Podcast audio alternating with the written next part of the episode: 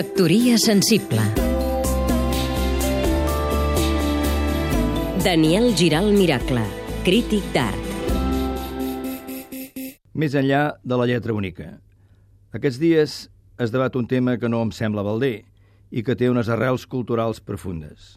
Em refereixo a la necessitat d'incloure o no la cal·ligrafia en l'ensenyament.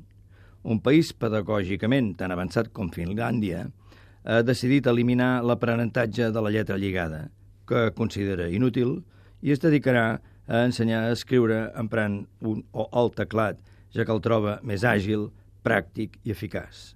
Això, això sí, farà una concessió. Ensenyarà a escriure amb lletra de pal. Evidentment, l'ordinador d'avui és una eina imprescindible i som molts els que la defensem. Però no hem d'oblidar que decisions com la del país nòrdic comporten una pèrdua. Aprendre a escriure a mà no vol dir només aprendre a escriure, vol dir també estimular unes àrees del cervell i del cos que desenvolupen habilitats físiques i psíquiques insubstituïbles, necessàries també per dibuixar, per tocar un instrument, per dominar l'espai, per acariciar, perquè finalment ajuden a la concentració i a la reflexió.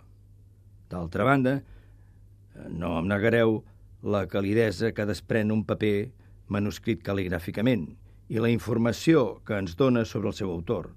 Per aquest motiu, som molts els que ens neguem a renunciar a la cal·ligrafia, i no per raons romàntiques o estètiques, sinó perquè estem convençuts que serveix per més coses que per a fer una lletra única.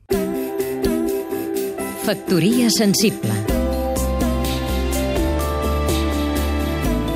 Seguim-nos també a catradio.cat